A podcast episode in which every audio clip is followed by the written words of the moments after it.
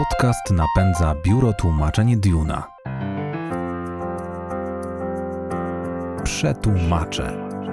Podcast o tłumaczach, tłumaczeniach, językach i komunikacji. Witam Państwa serdecznie, nazywam się Kacper Wawrzak, a to kolejny odcinek podcastu Przetłumacze. Moim dzisiejszym gościem jest Piotr Kruk, poliglota, trener językowy, odpowiedzialny chociażby za hiszpański Roberta Lewandowskiego. Rozmawiamy o nierozerwalnym połączeniu biznesu i języków obcych, o grzechach publicznej edukacji oraz o tym, dlaczego warto w końcu przestać szlifować angielski. Posłuchajcie. Cześć, dzień dobry, nazywam się Piotr Kruk.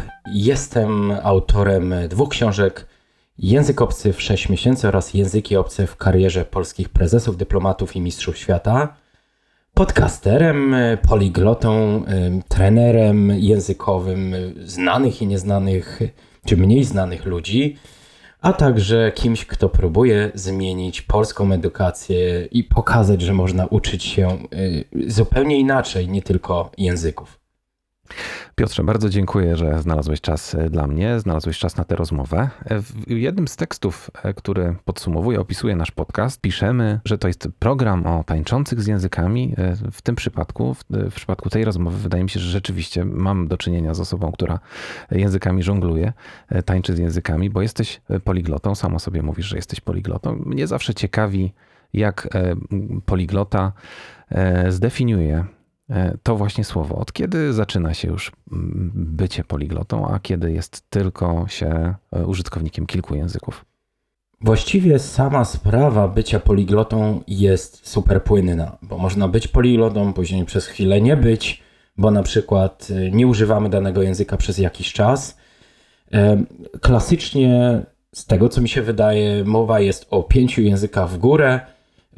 Natomiast, tak jak wspomniałem przed chwilą, właściwie, jeśli ktoś używa języków, wielu języków w praktyce, a do takich osób zaliczam się ja, to, to ta płynność tego słowa jest ewidentna, no bo jeśli nie używamy przez jakiś określony czas, na przykład języka włoskiego, czy języka hiszpańskiego, czy niemieckiego, a później wracamy do niego, no to pytanie jest, czy my będziemy się określać przez chwilę jako niepoligloci, albo jako poligloci, właściwie to słowo nie ma specjalnie znaczenia. To bardziej chyba chodzi o określenie kogoś, kto mówi wieloma językami, a ile tych języków faktycznie jest, to jest sprawa drugorzędna. Powiedz mi tak od początku, jak y, zaczynała się Twoja edukacja językowa? Który język był pierwszy? Pewnie szkoła, prawda? Tak, szkoła, tak jak u każdego z nas. Y, pierwszy język y, Przejdę za chwilę do tej sprawy, która jest najbardziej istotna, czyli do praktyki. Natomiast rzeczywiście moim pierwszym językiem był język niemiecki. Mm, ponad 30 lat temu zacząłem uczyć się tego języka i miałem z nim dosyć sporo problemów. E, zajęło mi to, myślę, około 8 lat, zanim zacząłem mówić w języku niemieckim. Następnie był angielski. Z angielskim było jeszcze gorzej. dlatego że całość, myślę, że y, ja zawsze określam ten taki punkt, kiedy zaczynamy mówić, to jest taki punkt, gdzie w miarę swobodnie czujemy się w danym języku i możemy po prostu mówić na mm, wszystkie tematy, o których chcemy mówić. I mi taki moment y, pojawił się w języku angielskim mniej więcej po 10 latach nauki tego języka. Więc y, wszyscy, którzy słuchają mnie, pewnie się w jakiś sposób identyfikują ze mną, bo myślą sobie, ok, dziś gość jest poliglotą, no ale z drugiej strony, jak to się wydarzyło, że, że kiedyś przez 8 lat uczył się niemieckiego, zanim zaczął mówić w tym języku, później był angielski 10 lat, czyli całe liceum, całe studia, czyli już mamy 9 lat, plus mniej więcej pierwszy rok pracy w mojej pierwszej firmie, w której zostałem zatrudniony. Dopiero trzeci język, czyli język rosyjski, y, który wynikał z moich potrzeb, to też jest niesamowicie ważna rzecz. Mam nadzieję, że uda nam się jeszcze o tym dzisiaj porozmawiać, ale wybór języka był podyktowany potrzebami aktualnymi. I tak jak wspomniałem, ja zostałem zatrudniony w pewnej firmie. Była to firma produkcyjna, w branży obróbki stali czy obróbki metali. Natomiast chwilę później trafiłem do mojej pierwszej niemieckiej firmy, gdzie na początek zostałem dyrektorem sprzedaży na Polskę, a później e, bardzo szybko zacząłem przejmować kolejne rynki. Były to rynki krajów bałtyckich, później Czechy, Słowacja, a następnie wszystkie kraje rosyjskojęzyczne. I właśnie wtedy pojawiła się potrzeba uczenia się języka rosyjskiego, y, bo może nie wszyscy wiedzą, natomiast jest to poniekąd mit, że z angielskim sobie mhm. poradzimy niemal wszędzie. I mam doświadczenie, że zarówno w Europie Zachodniej, jak na przykład we Włoszech, Hiszpanii, y, czy Europie Południowej, taki na przykład na Bałkanach, czy tak jak właśnie wschodniej, ten język angielski jest powszechny. To nie jest prawda. Y, oczywiście dogadamy się po angielsku ogólnie gdzieś w hotelach, w restauracjach. Może ktoś nam jest w stanie w jakiś sposób odpowiedzieć na nasze pytanie, jeśli się zgubiliśmy. Ale prawda jest taka, że jeśli chcemy w danym kraju funkcjonować, to powinniśmy mieć y, przynajmniej opanowane podstawy danego języka. Jeśli chcemy w nim pracować, powinniśmy się naprawdę tego języka nauczyć. I w moim przypadku to był y, rosyjski, dlatego że przejąłem kraje rosyjskojęzyczne. Na Bałkanach czy w krajach bałtyckich wystarczył mi język angielski, ale w krajach rosyjskojęzycznych, będąc na targach, y, czy to w Kijowie, czy to w, Rosji, czy y, w, w Moskwie, czy to później też kilka razy w Mińsku na Białorusi, po prostu bez języka rosyjskiego ciężko jest funkcjonować. Więc ten, to był kolejny trzeci język. No i jak się go uczyłeś? To był ostatni język, którego uczyłem się z nauczycielem, Aha. ale uczyłem się go zupełnie inaczej niż pierwszych dwóch. To znaczy, trafiłem do kogoś, kto zadawał mi prost, po prostu pytania. Zadawał mi pytania w języku rosyjskim. Ja musiałem na te pytania odpowiadać, począwszy od prostych pytań, e, jak się nazywasz, gdzie mieszkasz i tak dalej aż po trudniejsze, po prostu bardziej skomplikowane pytania wymagające dłuższych wypowiedzi. Natomiast z każdej takiej lekcji wychodziłem z kilkoma zapisanymi stronami, zapisanymi przez mojego nauczyciela, i ja musiałem opanować na kolejną lekcję te konkretne wyrażenia albo słówka, a także nauczyć napisać kilka dobrych stron po rosyjsku, więc to jest nauka również pisania cyrylicą. I ten język poszedł już zupełnie inaczej. To znaczy, y, to co też dzisiaj widzę i przekazuję innym, to była realizacja moich indywidualnych potrzeb. I tak właściwie powinniśmy podchodzić do każdego języka. Indywidualnie realizujemy dokładnie to, co, co potrzebujemy. Więc ja wiedziałem doskonale, z kim będę miał okazję rozmawiać, o kim, y, na jaki temat, y, kto o co mnie może zapytać, w jakich sytuacjach się pojawię. Więc siłą rzeczy zmniejszyła się automatycznie ilość tematów czy zakresu słownictwa, które normalnie my próbujemy opanować, a ja tutaj byłem już bardzo mocno skoncentrowany na tym konkretnym kierunku, na tych potrzebach. I powiedzmy, nauczenie się tego języka, wiadomo, że ten proces nie ma konkretnego końca, bo nauka języków obcych trwa właściwie wiecznie. Mhm. Można się uczyć, dojść do pewnego poziomu, a później stwierdzić, że cholera, jeszcze by się przydało lepiej. Więc ten proces nigdy się nie, nie kończy. Natomiast takie poczucie mówienia po rosyjsku pojawiło się, myślę, że po półtora roku, może po dwóch latach. Więc ten proces się skrócił, jak słyszeliśmy, z 8-10 lat do dwóch y, w przypadku rosyjskiego. No i co dalej? Bo y, ty w swoich materiałach promocyjnych mówisz o sześciu miesiącach. E, czy ty jakiegoś języka, jednego z kolejnych, nauczyłeś się w 6 miesięcy? Tak, właściwie to dużo szybciej. Ja mówię rzeczywiście, czy tytuł mojej pierwszej książki Język obcy w 6 miesięcy jest to okres, w którym ja uważam, że każdy może spokojnie nauczyć się języka obcego samodzielnie. To znaczy bez pomocy kogokolwiek, ale pod warunkiem, że wie, jak to zrobić. I ja rzeczywiście później każdego kolejnego języka czy to były języki bałkańskie, czy to był język mm, włoski czy hiszpański, każdego z tych języków uczyłem się już w zakresie kilkunastu tygodni.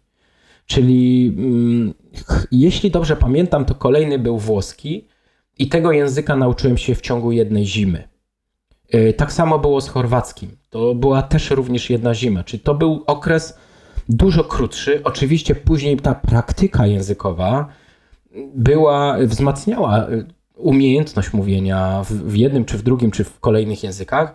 Natomiast to, co mówię o świadomości samego mówienia, że potrafimy sobie poradzić. Jesteśmy mm, za granicą, ludzie o coś nas pytają. My potrafimy spokojnie na te pytania odpowiedzieć, sami opowiedzieć trochę o sobie. Na wiele tematów, począwszy od zawodowych poprzez prywatne. I to poczucie umiejętności językowej może nastąpić już po kilku, kilku kilkunastu tygodniach nauki języka obcego, a właściwie te pierwsze efekty mogłyby, mogą już nastąpić po kilku dniach. I rzeczywiście uważam, że jeśli ktoś wie, jaki sposób do tego podejść, co robić po kolei, jakich błędów prostych nie popełniać, to jest w stanie się nauczyć przynajmniej tych takich języków nam bliższych, bo siłą rzeczy na przykład z rosyjskim byłoby gorzej, czy języki azjatyckie byłoby gorzej, bo jednak musimy przede wszystkim nauczyć się czytać inne pismo jednak, więc to zajmuje kolejny, kolejny czas, nie mówiąc o różnego rodzaju akcentach, tak jak w językach azjatyckich, y, są niesamowicie istotne pod kątem zrozumienia. Natomiast rzeczywiście, jeśli się ten proces dobrze poukłada i wie, co robić, jakich błędów nie popełniać, to proces nauki może się skrócić do kilku, kilkunastu tygodni. E, niemiecki, angielski, rosyjski, włoski, chorwacki. O nich wspomniałeś. Chorwacki, tak, tak. Co dalej? E, był jeszcze. E, po drodze było jeszcze kilka języków. Mówiłem całkiem przyzwoicie po czesku. Pewnego dnia postanowiłem, że nauczę się mówić po turecku. Dzisiaj niestety nie mówię po turecku ale mieliśmy taki okres prywatny, że wyjeżdżaliśmy na każdą majówkę do Turcji. I jeśli dobrze pamiętam, po pierwszym wyjeździe, a przed drugim postanowiłem, że opanuję przynajmniej podstawy języka tureckiego, więc rzeczywiście pojechałem do Turcji kolejnego roku i miałem jakieś podstawy, ale jeszcze kolejnego już się tego tureckiego dużo lepiej nauczyłem. Czyli robiłem sobie tak zwane prywatne challenge językowe, i na miesiąc przed wyjazdem, może półtora, y, po prostu zagłębiałem się bezpośrednio w tym języku i pracowałem tylko nad tym mhm. językiem. I rzeczywiście później do tej Turcji jechałem i starałem się maksymalnie wykorzystać okazję do tego, żeby mówić jednak po turecku i nie ułatwiać sobie życia, bo to też jest istotne. Często ludzie, znając angielski, tak jak w moim przypadku, no łatwiej jest oczywiście wrócić do tego angielskiego, bo potrafimy E, e, opowiedzieć dużo więcej jest nam wygodniej mówić. Natomiast e, sam chciałem próbować, próbować, próbować, przywitać się, opowiedzieć skąd jesteśmy, na jak długo, czym się zajmuję zawodowo i tak dalej, no bo różnych ludzi się poznaje, chociażby animatorów, czy obsługę hotelu, czy gdzieś na targu, na, na bazarze tureckim się staramy dogadać, negocjować cenę słyszymy best price for you, my friend i tak dalej. No i oczywiście oni próbują czarować i okazuje się, że świetnie się ten język przydał, bo, bo oni nie wiedzieli, nie mieli świadomości, że ja rozumiem język turecki, więc to ba bardzo pomogło.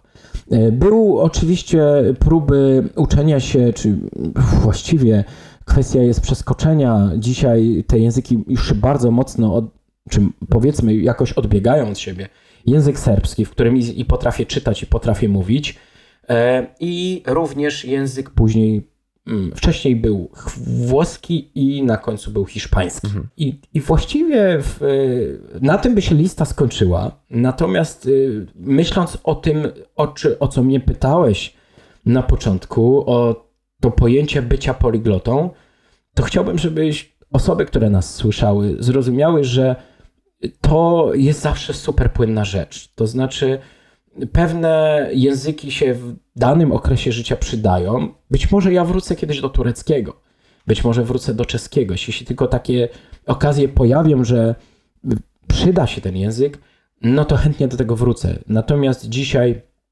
mówię w tych kilku językach i ich umiejęt, czy umiejętność mówienia w tych językach bardzo się zmienia. Rok temu inaczej wyglądała konfiguracja, gdyby ktoś mnie zapytał, a jak dobrze mówisz w tam, danym języku, to gdybym się spotkał z kimś rok temu, to bym opowiedział zupełnie coś mhm. innego niż opowiadam dzisiaj. I mm, tak trzeba to po, zupełnie po ludzku traktować. Mówisz o tych motywacjach, o tym, co sprawia, że, że chcemy tak naprawdę nauczyć się danego języka, lub e, gdzie ukierunkować słownictwo, gdzie ukierunkować właśnie te, te rozwiązania językowe, które nam się najbardziej przydadzą. I tutaj na pewno e, głównym, często motywatorem będzie biznes, będzie praca. E, piszesz, że związek języka i biznesu jest, jest bardzo mocny. E, jakby jest to relacja oczywista dość. E, powiedz mi, kiedy ją zauważyłeś, kiedy pierwszy raz ci tak naprawdę olśniło, czy też uderzyło, jak, jak ważne jest to połączenie, że języki i biznes to, e, to dwie rzeczy nierozłączne, zależne od siebie nawzajem? To było w momencie, kiedy przejąłem właśnie rynki rosyjskojęzyczne. Wtedy zorientowałem się, że bez języka rosyjskiego będzie mi naprawdę ciężko i to był też powód, dlaczego zacząłem uczyć się języka chorwackiego czy języka serbskiego, bo będąc y, w pewnych regionach Europy czy świata, pewne możliwości komunikacyjne są ograniczone, jeśli nie znamy danego języka. I teraz ja miałem świadomość, że jeśli nie opanuję języka rosyjskiego, to w jakiejś całkiem sporej części będę wykluczony komunikacyjnie w, z danej rozmowy, nie będę mógł osobiście przedstawić pewnych argumentów, czy nawet zwykła kolacja biznesowa będzie bardzo, ale to bardzo ograniczona. Czyli mogę być świetnym gościem, mogę mieć naprawdę dużo do powiedzenia, mogę naprawdę dużo wiedzieć, ale jeśli tylko nie znam języka, to właściwie nie istnieję. I dzisiaj, y, kiedy zdarza mi się pomagać różnym ludziom uczyć się języków, to właśnie trafiają do mnie bardzo często osoby na bardzo wysokich stanowiskach, prezesi czy, czy panie prezeski, właściciele dużych firm, e, często bardzo znanych, którzy przestają mieć znaczenie w momencie, kiedy nagle okazuje się, że językiem głównym rozmów wcale nie jest język polski. I ja wtedy zrozumiałem, że jeśli chcemy poprowadzić bardzo e, aktywnie biznes e, gdzieś za granicą, to nie obędzie się bez lokalnego języka. I dlatego później nauczyłem się języka chorwackiego, chociażby gdzie w Chorwacji bardzo często e, bywałem. E, biznesowo, prywatnie również, ale zdarzało mi się, że byłem kilka razy e, w ciągu roku w Chorwacji po to, żeby negocjować ceny, jakieś kontrakty, wspierać lokalnych przedstawicieli. I w którymś momencie właśnie postanowiłem nauczyć się tego chorwackiego. To zajęło mi jedną zimę, myślę, że nie pamiętam dokładnie, chyba zacząłem gdzieś pod koniec października. Mniej więcej w styczniu już sobie całkiem nieźle radziłem po chorwacku. E, I później oczywiście wzmacniałem tą umiejętność mówienia w tym języku, ale zauważyłem natychmiast zmianę. To znaczy, kiedy byłem zapraszany na różnego rodzaju spotkania i ten e, nasz lokalny przedstawiciel, e, partner organizował kilka spotkań, ja przylatywałem do Zagrzebia i wchodziliśmy do firmy. I nagle e, do Bardan, gospodin, witałem kogoś, e, zowem se Piotr Kruk e, i sami z Polskę i zacząłem mówić po prostu po chorwacku. On mówi, wy pričate chorwacki. No, czyli czy mówi pan po chorwacku? No oczywiście, że mówię. Narawno, pričam, pričam. Czyli tak, oczywiście mówię. I teraz gość był pod wrażeniem.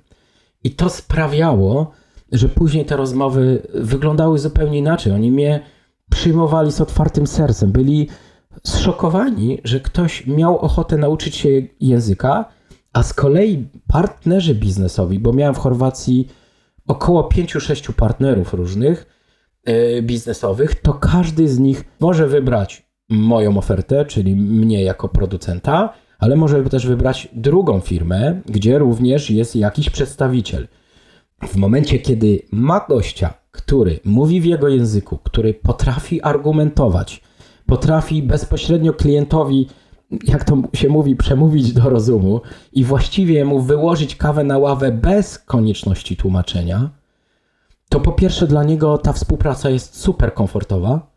E, więc siłą rzeczy, jak ma się zastanowić, wybrać tą firmę czy tą firmę, to zawsze wybierze to, co jest mu wygodniejsze.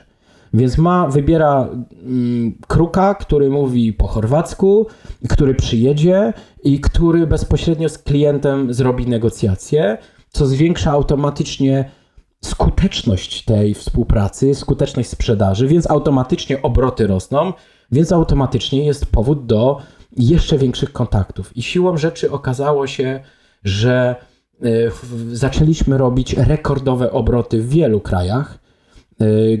No właśnie ten język obcy uważam, że był kluczowy w wielu sytuacjach, bo on e, zbliżał po prostu ludzi do siebie i, i taka jest główna rola tego języka.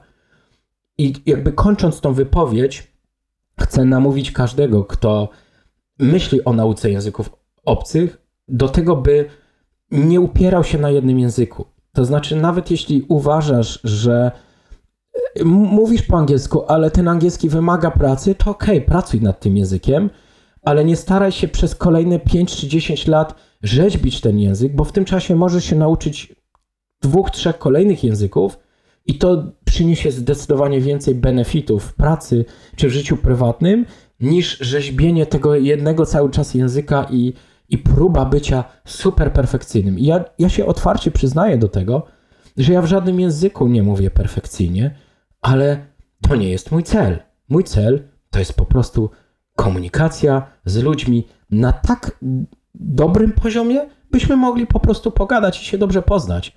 A to, że robimy błędy, czy użyjemy takiego rodzajnika, czy taką końcówkę, to nie ma znaczenia.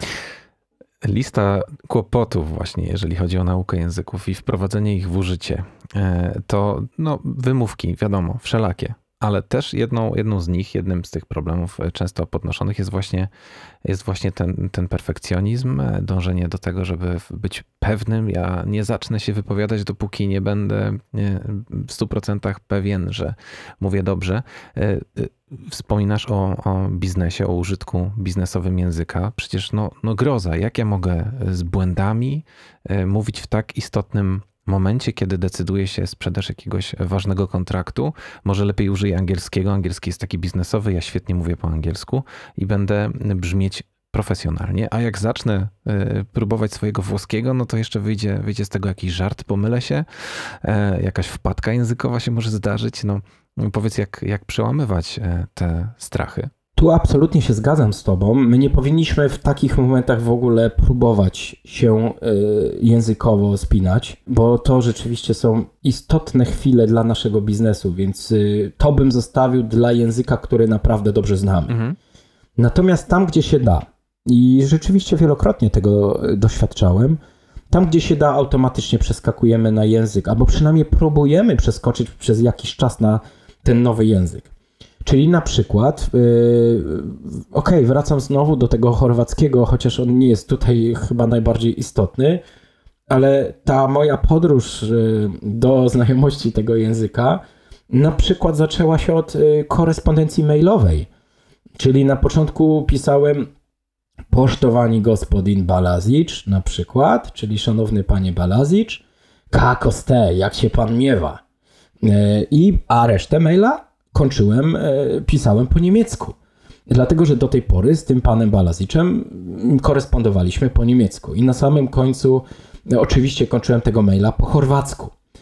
E, więc starałem się, on się cieszył, oczywiście był jako stały partner w niebo wzięty, że, że staram się i tak dalej. Tak samo było zresztą po rumuńsku, gdzie, gdzie z moimi, w ciągu ostatnich trzech lat, z moimi już byłymi partnerami biznesowymi próbowałem po rumuńsku pisać, więc zaczynamy po prostu powolutku w, w danej wolnej, swobodnej chwili yy, mówić w danym języku, nawet gdyby były błędy. Natomiast jeśli jest taka konieczność, no to się oczywiście przeskakuje na język, który jest yy, dla wszystkich bardziej oczywisty, żeby nie zrobić jakiegoś poważnego błędu. Ale wracając do samego perfekcjonizmu, Pamiętajmy, że to jest język obcy. My nawet po polsku robimy błędy. Mówiąc, zastanawiamy się, czy się mówi pięć meczy, czy pięć meczów. I człowiek właściwie tak staje i, i się zastanawia, jak to właściwie jest. Więc trudno by było, gdybyśmy oczekiwali od siebie perfekcjonizmu od razu na początku, czyli perfekcyjnego języka obcego. Dlatego zawsze wszystkim tłumaczę, Don't worry, po prostu mów. E, jak e, zgubisz rodzajnik albo e, trochę coś przekręcisz, to nie ma znaczenia. Ludzie zbyt mocno się czepiają siebie. Każdy wytyk, próbuje wyt, wytykać błędy. Oczywiście to trochę się wiąże z jakimś, z jakimś takim charakterem naszym polskim, że próbujemy się do wszystkich doczepić w różnych momentach. Jak jest mecz, no to mamy e, automatycznie 38 milionów ekspertów od piłki nożnej i, i każdy wie lepiej niż ten, który jest właściwie na boisku. I podobnie jest e, z językami obcymi, gdzie słyszymy, gdzie ktoś mówi w języku e, obcym i, no i, i zamiast uśmiechnąć się i popatrzeć, kurczę, super sobie radzi, nawet, okej, okay, robi błędy, no, no robi, no dobrze, ale radzi sobie świetnie. To szukamy tych błędów. To trochę oczywiście wynika z naszego takiego charakteru, ale też wynika z naszego systemu edukacji, który absolutnie powinien się zmienić, bo dzisiaj on polega na szukaniu błędów, a nie na nauczaniu ludzi, jak mówić w języku obcym. No tak, o metodzie za chwilę porozmawiamy, ale zwróć uwagę, że y, owszem, jesteśmy y, czepialscy, nie podoba nam się, jesteśmy zakompleksieni i to chyba z tego wynika. Sami się boimy mówić w języku obcym, a jak ktoś jeszcze kaleczy, no to o matko, y, że on się nie wstydzi. Ale zwróć uwagę, że jeżeli obcokrajowiec w, w Polsce duka po polsku, to jesteśmy zachwyceni i chwalimy go po prostu za najprostsze zdania. Jesteśmy dumni, o, że, że ktoś mówi tak. po polsku i trzeba chyba w tę stronę to kierować. E, ten strach. Dokładnie tak to powinno być. Y, I, staram się też y, o tym wszędzie mówić, zarówno w podcaście, jak i w książce o tym pisałem, jednej czy drugiej, żeby y, po prostu zacząć mówić od pierwszego dnia. Od razu od, od samego początku, czyli jak mamy naukę komunikacji, to my powinniśmy od razu próbować mówić. I, I, wiadomo, że będziemy poprawiać ten język z dnia na dzień, ale już to mówienie powinno nastąpić pierwszego dnia. Mówisz o sobie trener językowy. E, jestem ciekaw, jaki plan treningowy, jak twój plan treningowy z reguły trenerze wygląda? Opisz nam go tak troszkę. Oczywiście, co możesz zdradzić? Właściwie jest całkiem sporo i ja jestem kimś, kto bardzo dużo lubi zdradzać. E, nie lubię ograniczać w jakiś sposób wiedzy, chociażby we własnym podcaście. Jak mam jakiś temat omówić, to po prostu sypię masą przykładów i nie ograniczam się do, do tego, żeby pewną część wiedzy przekazać, a resztą, za resztę kazać sobie zapłacić. Gdybym. Właściwie u każdego proces wygląda inaczej. To znaczy inaczej i tak samo. Tak samo w takim sensie, że każdy powinien spojrzeć przede wszystkim na własną potrzebę. Bardzo często, kiedy uczymy się języków obcych, czy chcemy się zacząć uczyć języka obcego, zwróć uwagę, że nikt nie zadaje pytania, po co ci ten język? Gdzie będziesz go używała? Gdzie będziesz o, mówił w tym języku? Z kim będziesz mówił? Na jaki temat? Nikt nie zadaje pytania, w którą stronę pójdziemy z językiem. Tylko zaczynamy się uczyć zupełnie przypadkowych rzeczy, nie analizując, gdzie ten język będzie wykorzystany. I teraz takie konkretne przykłady. Kiedy zacząłem uczyć się języka włoskiego, to ja miałem konkretną potrzebę wyjazdy do Włoch na narty. I teraz, gdyby spojrzeć na to, ja to zawsze tak w taki sposób to tłumaczę ludziom. Gdyby spojrzeć na to, to faktycznie miałem trzy sytuacje, w których ten język obcy, ten włoski, byłby wykorzystany. Pierwsza główna sytuacja hotel. Druga bary, restauracje. Trzecia narciarstwo. I gdybyś spojrzał na to o, tak z góry, z lotu ptaka, no to właściwie no, w trakcie takiego tygodnia wyjazdu na narty tam nie ma więcej nic. Więc jeśli mamy hotel, no to co? Meldowanie do recepcji, pytanie o to, gdzie się znajduje coś, gdzie są śniadania, w jakich godzinach, gdzie można znaleźć coś, e, co się znajduje obok hotelu, jak gdzie zaparkować samochód, wymiana ręczników, jakieś problemy i tak dalej, i tak dalej. Tych tematów związanych z hotelem jest bardzo ograniczona liczba. Tak samo restauracje, bary. Znowu mam ograniczoną ilość tematów. No i stok narciarski. Okej. Okay. E, no to umawianie się z instruktorem. Na którą godzinę? Ile to kosztuje? Gdzie się spotykamy? W prawo, w lewo, ugnij nogi szybciej, e, wolniej e, i tak dalej, i tak dalej. I teraz zobacz, jak ograniczona jest ilość tematów. I jeśli my podejdziemy do nauki języka w ten sposób na samym początku, to znaczy zastanowimy się realnie, i gdzie będę? Na jakie tematy potrzebuję umieć mówić? Co ja potrzebuję umieć mówić? Jakie informacje potrzebuję przekazać? O co potrzebuję zapytać? Albo jakie pytania ktoś mi zada, jeśli poświęcimy na to 20 e, minut, pół godziny i sobie to wszystko rozpiszemy, to właściwie mamy plan nauki. I niestety o tym się nigdy nie mówi. Na żadnych, y, ja nie, nie słyszałem, sam mam nastoletnie dzieci, które się uczą języków. Nigdzie wcześniej, czy w przypadku moim, czy ludzi, z którymi rozmawiam, nigdy nikt nie mówi na temat samego procesu uczenia się języków i poprawności uczenia się. A od tego powinniśmy zacząć, bo później już wszystko idzie z górki. I teraz to, co powiedziałem wcześniej, język angielski, niemiecki długo, rosyjski ok w miarę, ale później każdy jeden język to jest kwestia kilku czy kilkunastu tygodni. Tak jak pomagam dzisiaj ludziom opanować język w ciągu kilku tygodni, i on się zawsze, ten proces musi zaczynać od ustalenia potrzeb, kierunków i tematów. No to diametralnie różni się od tego podejścia choćby oficjalnej edukacji. Co byś w oficjalnej e, edukacji polskiej poprawił? Wzdycham, bo chyba bym zmienił wszystko. E, mhm. Niestety, wiem, że to jest takie słowo, które właściwie nie oznacza nic. Zdecydowanie postawiłbym na komunikację i na przyszłość człowieka.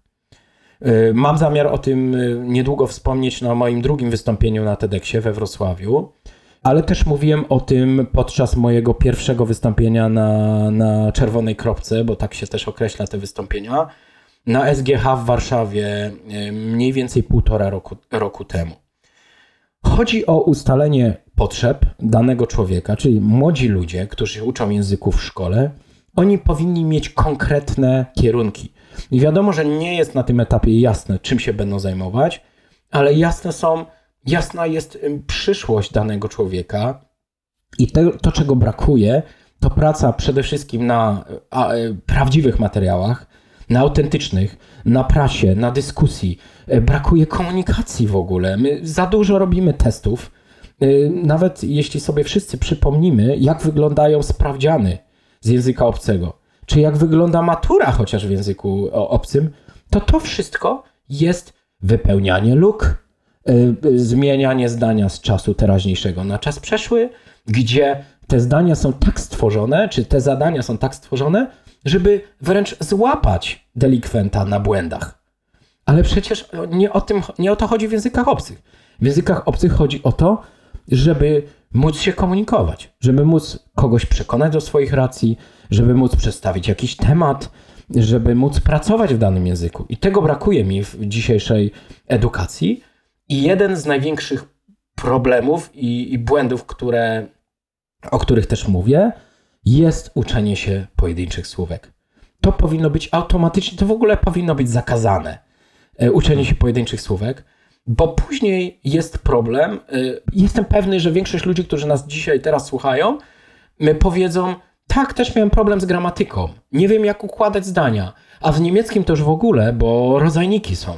Jak to w ogóle wszystko ogarnąć? I my nie powinniśmy się uczyć pojedynczych słówek, tylko powinniśmy od razu zaczynać od nauki gotowych bloków. Czyli nie uczyć się tak jak wszyscy Monday, Tuesday, Wednesday, Thursday, Friday, Saturday, Sunday. Czyli wszystkie dni tygodnia od A do Z. Tak samo Montag, Dienstag, Mittwoch, Donnerstag i tak dalej. Problem jest w tym, że my tych, tych, tych wyrazów tak nie używamy. A jeśli używamy, to bardzo rzadko. My słowa w poniedziałek używamy dużo częściej w kontekście w poniedziałek. Tak. Bo próbujemy się z kimś umówić na spotkanie, albo mówimy: Słuchaj, w poniedziałek będę w firmie, no to może to, to pogadamy. E, w poniedziałek przyjeżdża wa ważny klient, e, musimy przygotować prezentację. My tego słowa w poniedziałek używamy zdecydowanie, czy wyrażenia w poniedziałek używamy dużo częściej niż samego wyrazu poniedziałek. Mhm. I teraz problem jest w tym, że jak uczymy się pojedynczych słówek, to my je musimy w jakiś sposób połączyć, żeby stworzyć zdanie. I wtedy właśnie się pojawia największy problem. Bo jak jest słówko po angielsku wy? I pierwsze, co przychodzi wszystkim do głowy, to jest in. Bo na przykład ktoś się nauczył, że jest in Poland, in Germany. Nie? I, i teraz ktoś y, wrzuca automatycznie, no bo taki wyraz mu przychodzi do głowy. I myśli, że powinno być in Monday. E, a później mówi, nie, nie, to chyba nie jest. A jak jest w domu? W domu, w pracy. Okej, okay, to, to będzie at home i at work. Więc może at Monday. E, nie, no to też nie pasuje. Się okazuje, że jest jeszcze trzecia wersja, czyli on. On Monday. I my nie powinniśmy się uczyć Monday, Tuesday, Wednesday, Thursday, Friday i tak dalej, tylko on Monday, on Tuesday, on Wednesday. Tak samo po niemiecku. Od razu am Montag, am Mittwoch, e, am Dienstag, am Mittwoch, am Donnerstag i tak dalej. I dzięki temu później takie wyrażenia, e, one wskakują z automatu do głowy. No tak. I zdania, które faktycznie zawierają te konkretne bloki językowe, są tworzone nieporównywalnie szybciej i przede wszystkim poprawnie gramatycznie. Bo nawet chociażby tego typu wyrażenia jak y, z moją żoną, nie? To y, większość ludzi by się nauczyło wyrazu żona, po niemiecku die Frau, wife, esposa po hiszpańsku. Y, I teraz, jak jest z? My zaczynamy myśleć, jak jest z? No to po niemiecku, a może aus? No bo się mówi aus Polen, no to z Polski. E, Czyli aus? Nie, no to nie pasuje. No to mit. Okej, ale tutaj jeszcze ten rodzajnik. Y, Jak, jaką końcówkę dać przy mein, moja? No, zanim dojdziemy do tego, to mamy bardzo dużo w głowie wątpliwości. A my powinniśmy się uczyć wyrazu na przykład żona, dajmy na to, wyrazu żona w dwóch kontekstach. Przynajmniej na początku. Z moją żoną, bo tak często mówimy, z moją żoną jesteśmy razem od 20 lat. Z moją żoną mamy dwójkę dzieci. Z moją żoną byliśmy, spędziliśmy fajny weekend w górach i tak dalej. Albo dla mojej żony, bo kelner przynosi nam danie i, i, i, albo na jakąś kawę i mówi tak, "E, cappuccino, no to mówisz for me. Um, double espresso for my wife. Więc używamy po prostu tego, tego wyrazu właśnie w takich kontekstach. I teraz w każdym jednym języku, kiedy ja uczę się e, mówić, to wyrazu żona nigdy się nie uczę pojedynczo, tylko od razu. Na przykład po hiszpańsku con mi esposa, z moją żoną, albo para mi esposa, czyli dla mojej żony. I teraz po prostu później, kiedy ja potrzebuję wy, u, wy, użyć tego konkretnego wyrazu, ja się nie zastanawiam, jak to poskładać do, w jedną całość, tylko to już wskakuje automatycznie. Mit meiner Frau, with my wife, con mi esposa, niezależnie od języka, bloki językowe są kierunkiem, w który powinniśmy iść. Czyli nauka pełnych fraz powinna być standardem, a nie nauka pojedynczych wyrazów. Bo dzięki temu później jesteśmy w stanie mówić automatycznie, nie zastanawiamy się, jak to zbudować, jak powiedzieć nie wiem, albo nie wiedziałem, yy, bo nagle się okazuje, że wchodzi czas przeszły. A jeśli czas przeszły, no to który? Przecież w angielskim jest tych czasów bardzo dużo. I to wszystko stanowi problemy, i później y, ktoś po tego typu systemie nauki, a właściwie większość z nas, mówimy: No, nie, nie mam talentu do nauki języków. No, coś mi nie idzie. A nie idzie, bo nie ma efektów. A nie ma efektów, bo po prostu jest y, nie tak uczone jak trzeba. Mógłbym, mógłbym jeszcze tak mówić i mówić na temat obecnego systemu, ale to też pokazuje, jaki jest rozstrzał pomiędzy tym, co faktycznie powinno być, a, a jak faktycznie wygląda dzisiaj system edukacji językowej w Polsce.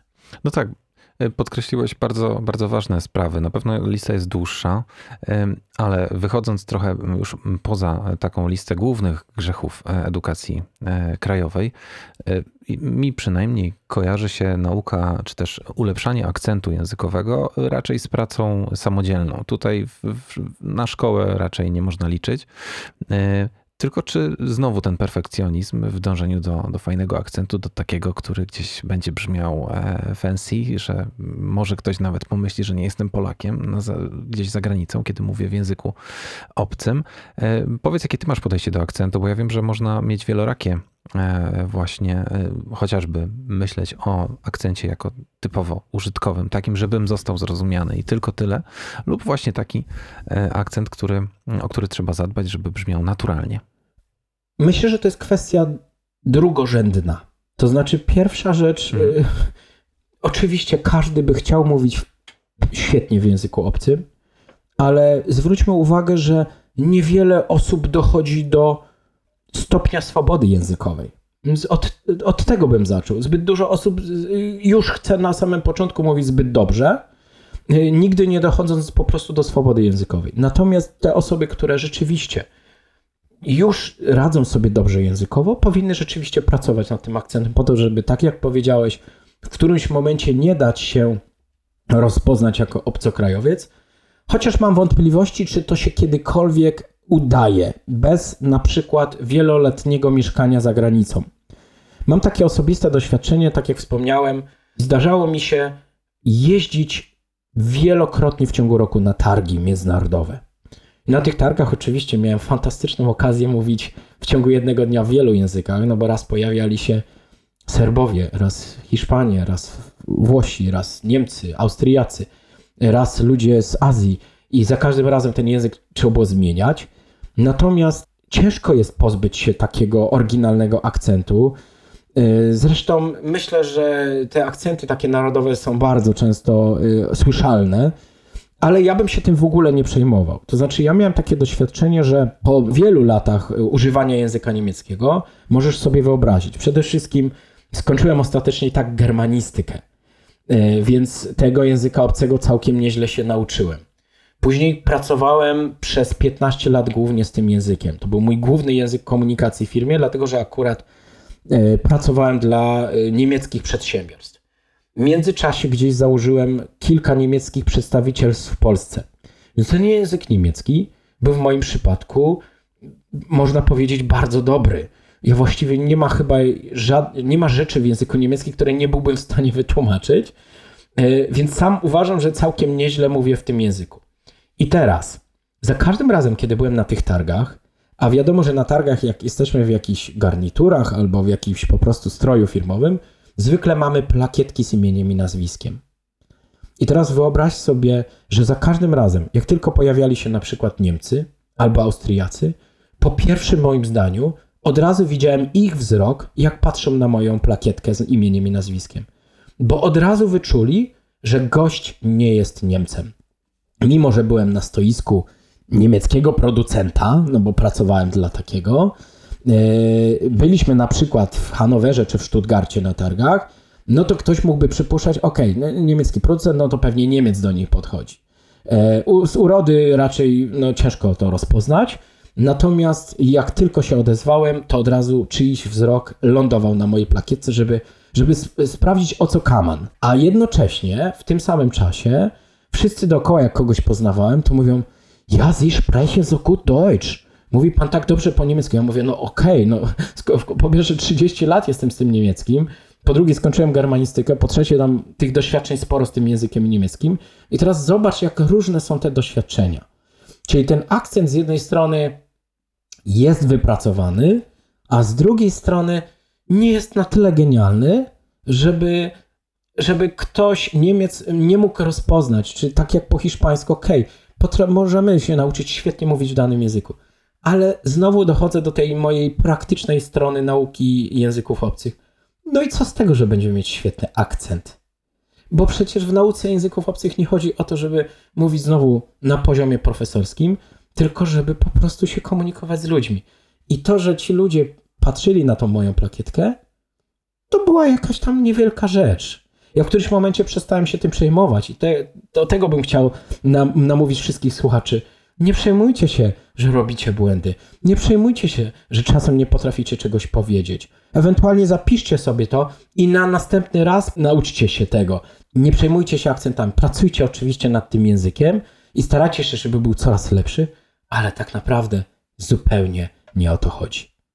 E, to dobrze, że to mówisz, bo, bo myślę, że faktycznie jest to rzecz, która wielu, e, wielu ludziom odbiera motywację, kiedy nie mogą ułożyć ust w jakieś, e, w jakieś trudne głoski w języku obcym, a nie trzeba się aż tak starać, naprawdę. Wystarczy dojść do pewnego komunikatywnego poziomu, jeżeli chodzi o to dźwiękonaśladownictwo. Chciałem Cię spytać o, wracając do, tych, do, do Twojego trenerstwa, do, do Twoich metod, to, co trenera najbardziej motywuje i cieszy, to sukcesy jego podopiecznych. Powiedz mi, czy masz jakąś taką shortlistę największych Twoich e, sukcesów, które gdzieś chodzą po świecie? Tak, chyba najbardziej znany moim sukcesem jest to, że Robert Lewandowski mówi po hiszpańsku, czy Ania Lewandowska. E, byłem niesamowicie szczęśliwy, kiedy okazało się, że e, po krótkim dość okresie nauki, kiedy pomagałem od zera Robertowi Lewandowskiemu opanować język hiszpański, gdzieś odbierał nagrodę. Nie pamiętam dokładnie, czy to było w Dubaju, czy w Paryżu. Gdzieś odbierał nagrodę, a może było to rzeczywiście w Hiszpanii jednak, bo tą swoją wypowiedź yy, yy, zaczął po hiszpańsku.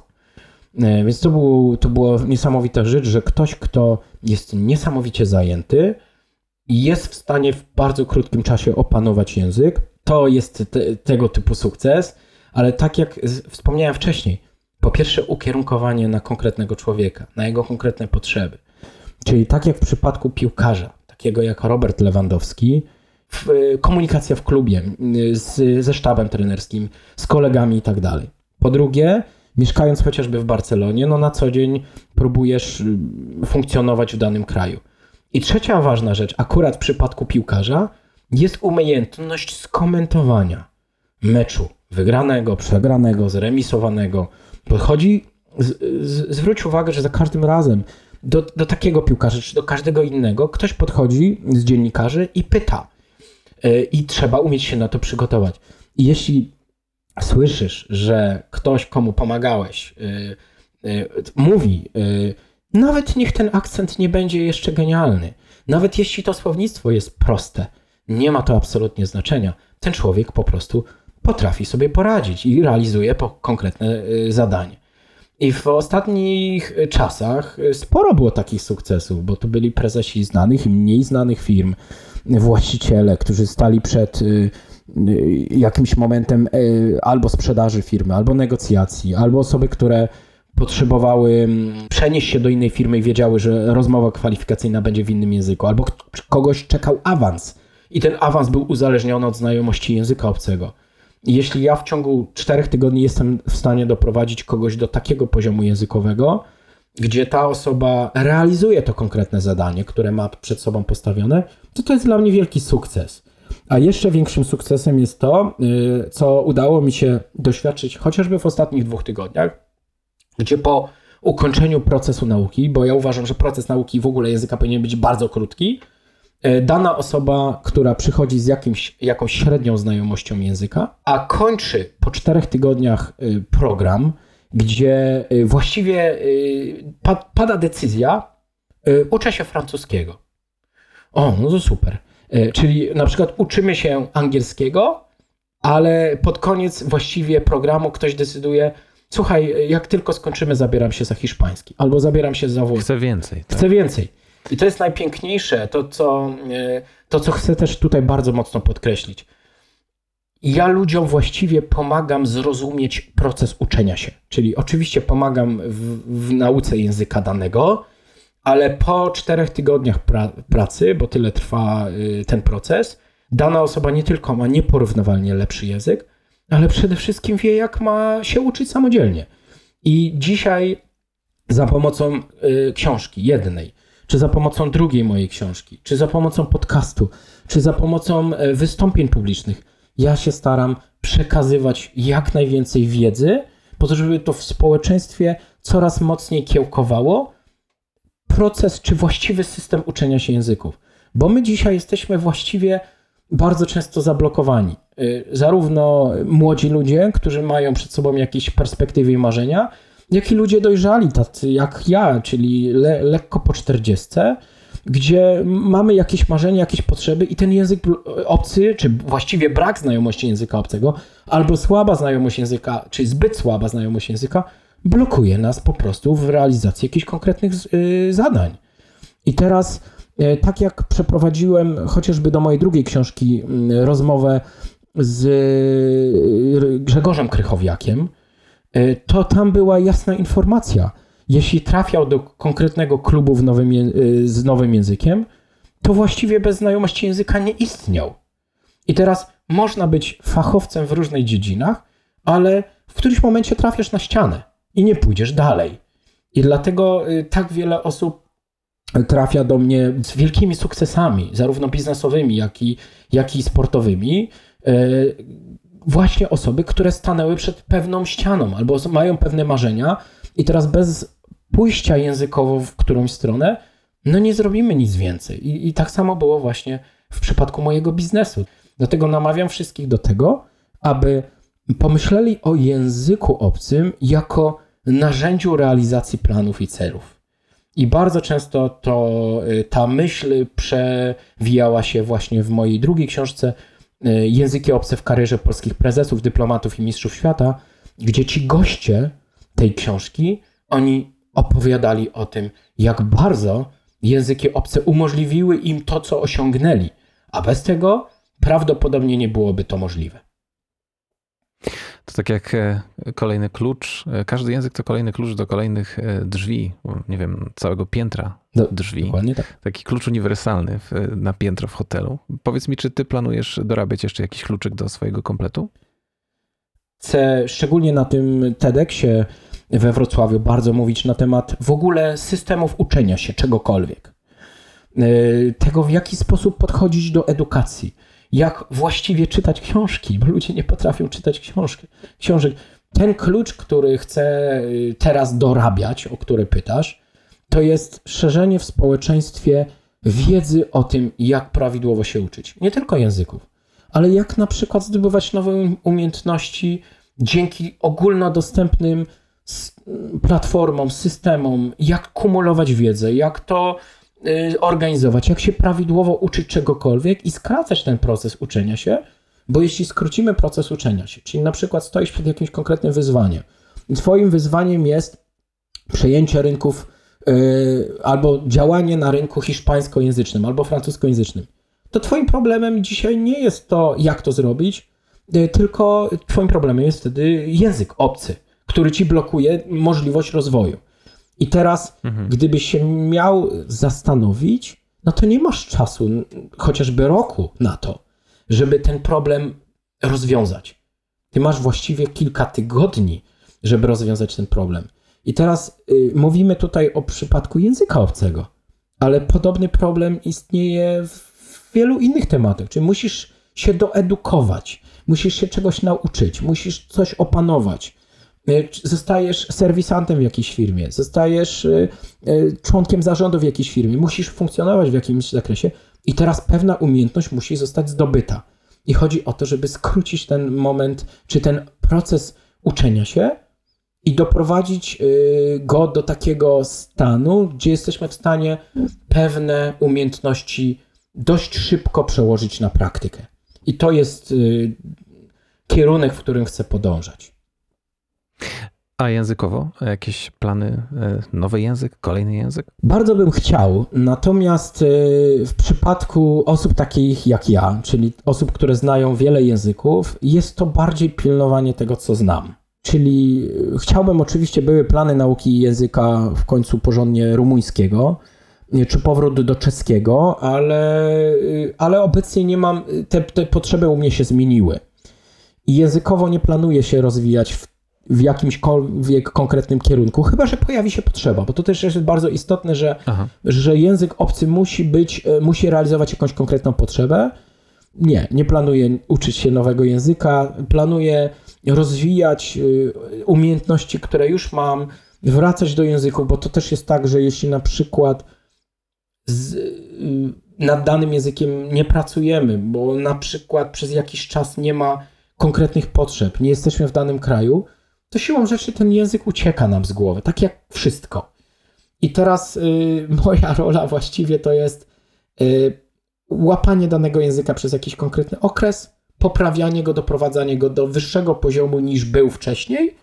I jeśli jest potrzeba, no to kontynuacji, jeśli nie jest potrzeba, to przejście do kolejnego języka. I teraz właśnie y, taki proces ostatnio przechodzę, czy przechodziłem, gdzie bardzo mocno koncentrowałem się na języku hiszpańskim, teraz wróciłem po prostu do języka włoskiego. Piotrze, e, ta rozmowa mogłaby trwać jeszcze kolejną godzinę, ale nie mamy tyle czasu. Bardzo Ci dziękuję za wszystkie myśli, za wszystkie E, podpowiedzi, e, którymi się zechciałeś z nami podzielić. To, to bardzo cenny materiał. E, tobie prywatnie i zawodowo życzę samych sukcesów, nie tylko tych językowych. I jeszcze raz wielkie dzięki. Ja również bardzo dziękuję. Również życzę wszystkiego dobrego, również słuchaczom i, i mam nadzieję, że z dzisiejszego odcinka wynieśli trochę świeżej wiedzy, trochę innego spojrzenia i że ten odcinek zapisze się ich w pamięci na dłużej. Bez wątpienia zapraszamy na piotrkruk.pl. Tam możecie znaleźć wszystkie książki, materiały, podcast, blog e, Piotra. Zapraszamy serdecznie. Dziękuję serdecznie. Wam również, drodzy słuchacze i słuchaczki, bardzo dziękuję za uwagę i już teraz zapraszam do wysłuchania kolejnych wydań podcastu Przetłumaczę. Do usłyszenia.